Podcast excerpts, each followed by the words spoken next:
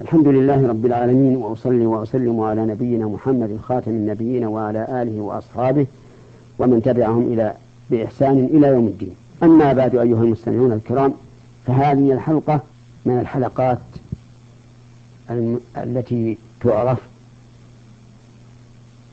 بفوائد وأحكام من القرآن الكريم.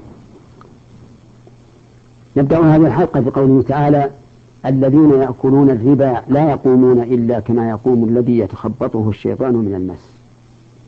ذلك بأنهم قالوا إنما البيع مثل الربا.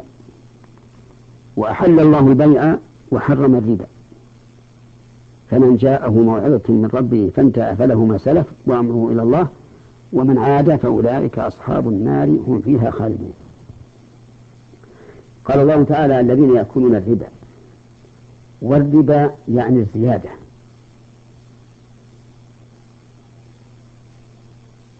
تقول ربا المال أي زاد. وقال الله تعالى فإذا أنزلنا عليها الماء اهتزت وربت أي علت والعلو زيادة. ويأكلون الربا أي يكسبون الربا. لكنه عبر بالأكل بناء على الأعم الأغلب لأن أحو لأن أشد شيء يحتاجه الإنسان في ماله هو الأكل. لا يقومون هذا خبر مبتدأ.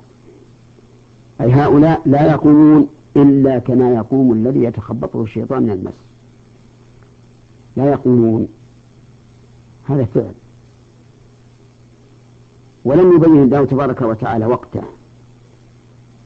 فقيل المعنى لا يقومون من قبورهم يوم القيامة إلا كما يقوم الذي يتخبطه الشيطان من المس وقيل المعنى لا يقومون لاتجارهم بالربا وتكالبهم عليه إلا كما يقوم الذي يتخبطه الشيطان من المس يعني كأنهم لجشعهم وطمعهم في تصرفهم للوصول إلى الربا كأنهم مجانين. ليس عندهم إدراك ولا عقل. وقوله فهذان قولان القول الأول لا يقومون من قبورهم يوم القيامة إلا كالمجانين. والقول الثاني لا يقومون لاكتساب الربا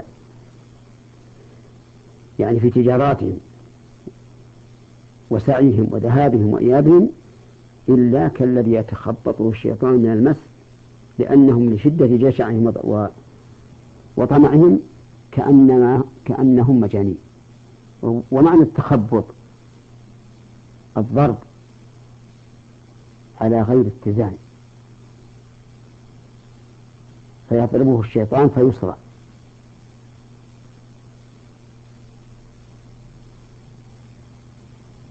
ويختل توازنه وتفكيره.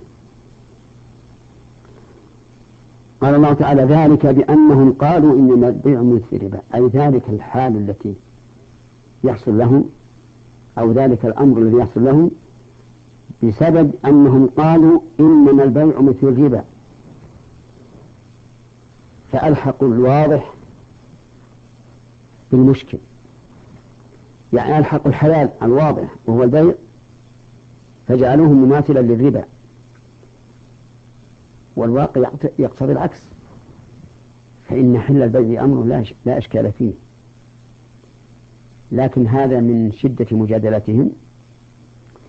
ادعوا أن البيع مثل الربا. فإن كان الربا حراما فليكن البيع حراما وإن كان البيع حلالا فليكن الربا حلالا. فقالوا أي فرق بين أن أتعامل بالربا أو بغير الربا. أي فرق؟ كله أخذ وعطاء رد الله عليهم ذلك بقوله وأحل الله البيع وحرم الربا. وهذه مقنعة لكل أحد. أحل الله البيع فهو حلال وحرم الربا فهو حرام. وله عز وجل الحكم. وإليه المرجع.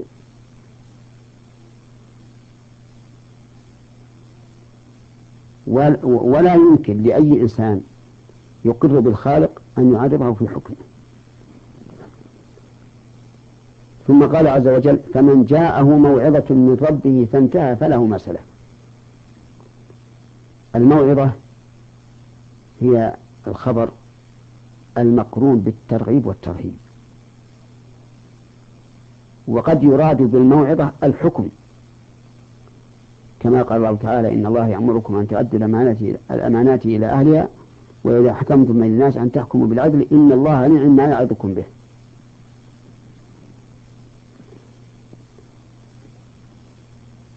فمن جاءه موعظة من الله فاتعظ. فله ما سلف أي ما مضى مما تعامل به من الربا لأنه تاب من الله ورجع إليه والتائب من الذنب كمن لا ذنب له. ولكن الربا الباقي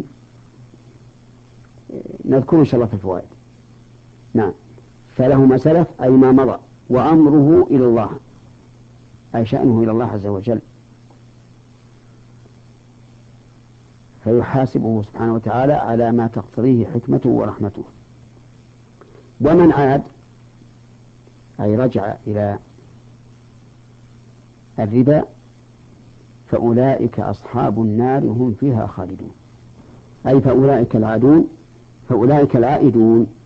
أصحاب النار أي الملازمون لها هم فيها خالدون. وأعاد الضمير في قوله ومن عاد إلى من؟ مفردا باعتبار لفظها. وجاء اسم الإشارة بلفظ الجمع فأولئك أصحاب النار هم فيها خالدون باعتبار المعنى. في هذه الآية الكريمة من الفوائد والأحكام تحريم الربا وذلك من وجهين. الوجه الأول أن الله شبههم أي آكل أي آكل الربا بأقبح تشبيه. تحريرا من أكل الربا. والثاني من قوله تعالى ومن عاد فأولئك أصحاب النار هم فيها خالدون. والربا من أكبر الكبائر. لم يرد في أي ذنب دون الشرك مثل ما ورد في الربا من الوعيد وذلك لأن النفوس تدعو إليه حيث إنه يكثر به المال حسا ولكنه ينقص به معنى وبركة. والنفوس مجبولة على محبة المال. فلهذا ورد فيه التحذير والوعيد الشديد. فإن قال قائل ما هو ما هل الربا يقع في كل بيع؟ يعني هل الزيادة في كل بيع ممنوعة؟ فالجواب لا. إنما الربا في أشياء مخصوصة. بينها النبي صلى الله عليه وعلى آله وسلم في قوله الذهب بالذهب والفضة بالفضة والبر بالبر والتمر بالتمر والشعير بالشعير والملح بالملح. مثلا بمثل سواء بسواء يدا بيد. هذه هي الأموال التي يجري فيها الربا بالنص. واختلف العلماء رحمهم الله. هل يلحق بها غيرها؟ أو لا؟ فمن منع القياس كالظاهرية قالوا لا يلحق بها غيرها. وعلى هذا فلا ربا في الرز والذرة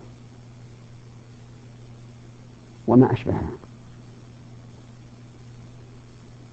اقتصارا على ما جاء به النص. ومن أجاز القياس في, في, في الأحكام الشرعية انقسموا إلى قسمين. قسم قال يقتصر على هذه الأصناف الستة. واحتج لقوله بأن العلماء اختلفوا في علة الربا. فلما اختلفوا في علة الربا أسقطنا كل الخلاف وقلنا نبقى على النص أسلم ومنهم من قال إنه يلحق بها غيرها وهو ما ماثلها. في الطعم والاقتيات والنقدية.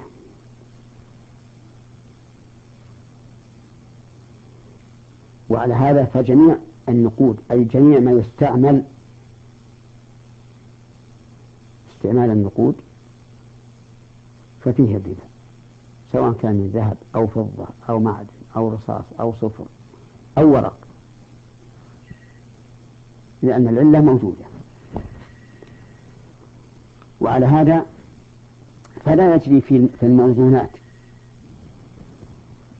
لا يجري في الموزونات. كالحديد والرصاص والصفر وما أشبهها. وهذا هو الصحيح. أنه لا ربا في جميع الموزونات إلا في الذهب والفضة.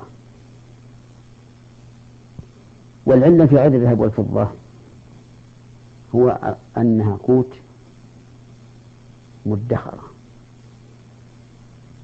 لأنك إذا إذا نظرت إلى إلى البر وجدت أنه قوت وأنه مدخر. وعلى هذا فلا ربا في الفواكه بجميع أنواعها.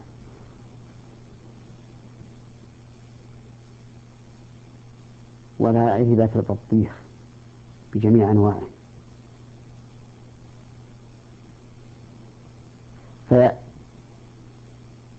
فلا يجوز للإنسان أن يبيع صاعا من البر بصاعين وإن كانت القيمة واحدة. ولا أن يبيع الذرة لمن كانوا يقتاتونها الصاع بالصاعين ولو كانت القيمة واحدة.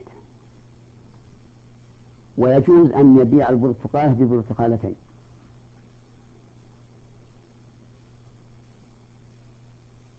والتفاح بالتفاحتين. وما أشبه ذلك. لأنها ليست قوتا ولا مدخر. مدخرا.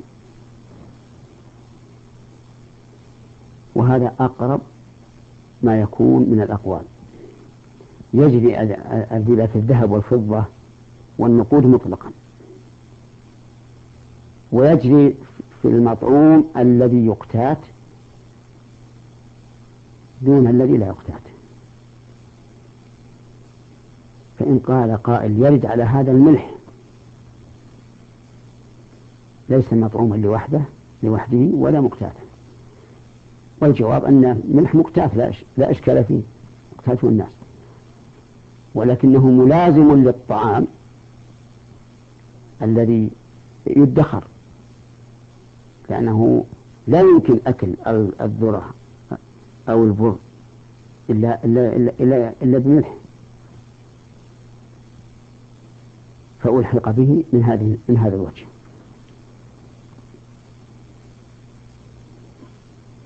وهنا مسألة. لو فرض أن شخصا أبدل حليا مستعملا زينته مائة غرام. بحلو بحلي جديد زينته ثمانين غراما. فهذا ربا. لا يجوز. وإن كانت القيمة واحدة. ولو أبدل صاعا طيبا من البر بصاع بصاعين رديئين يساويان الصاع بالقيمة فإنه ربا لا يجوز. ويدل لذلك أن النبي صلى الله عليه وسلم أتي إليه بتمر طيب. فسأل من أين هذا؟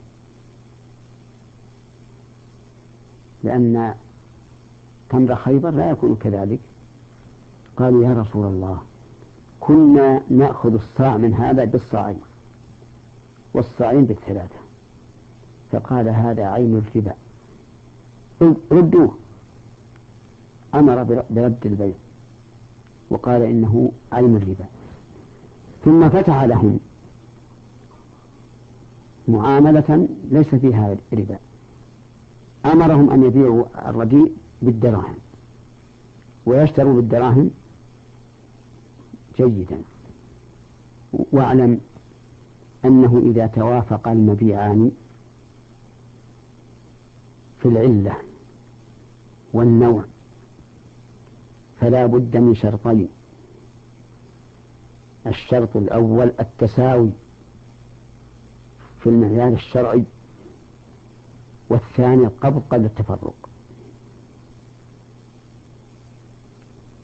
وإذا اتفقا في المعيار الشرعي واختلفا في النوع كشعير بحنطة فلا بد من شرط واحد وهو التقابل في المجلس ولا يضر التفاضل. فلو باع صاعا من الحنطة بصاعين من الشعير وتقابلا في المجلس فلا حرج.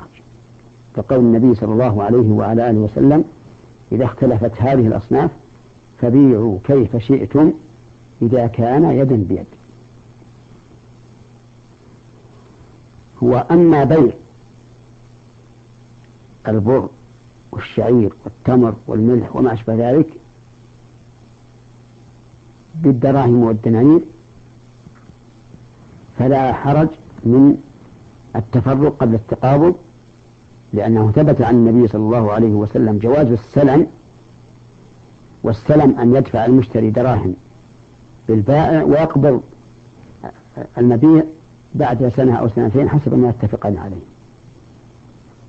فإذا كان العوض أحد النقدين فإنه لا يشترط التقابل في مجلس العقد. نعم.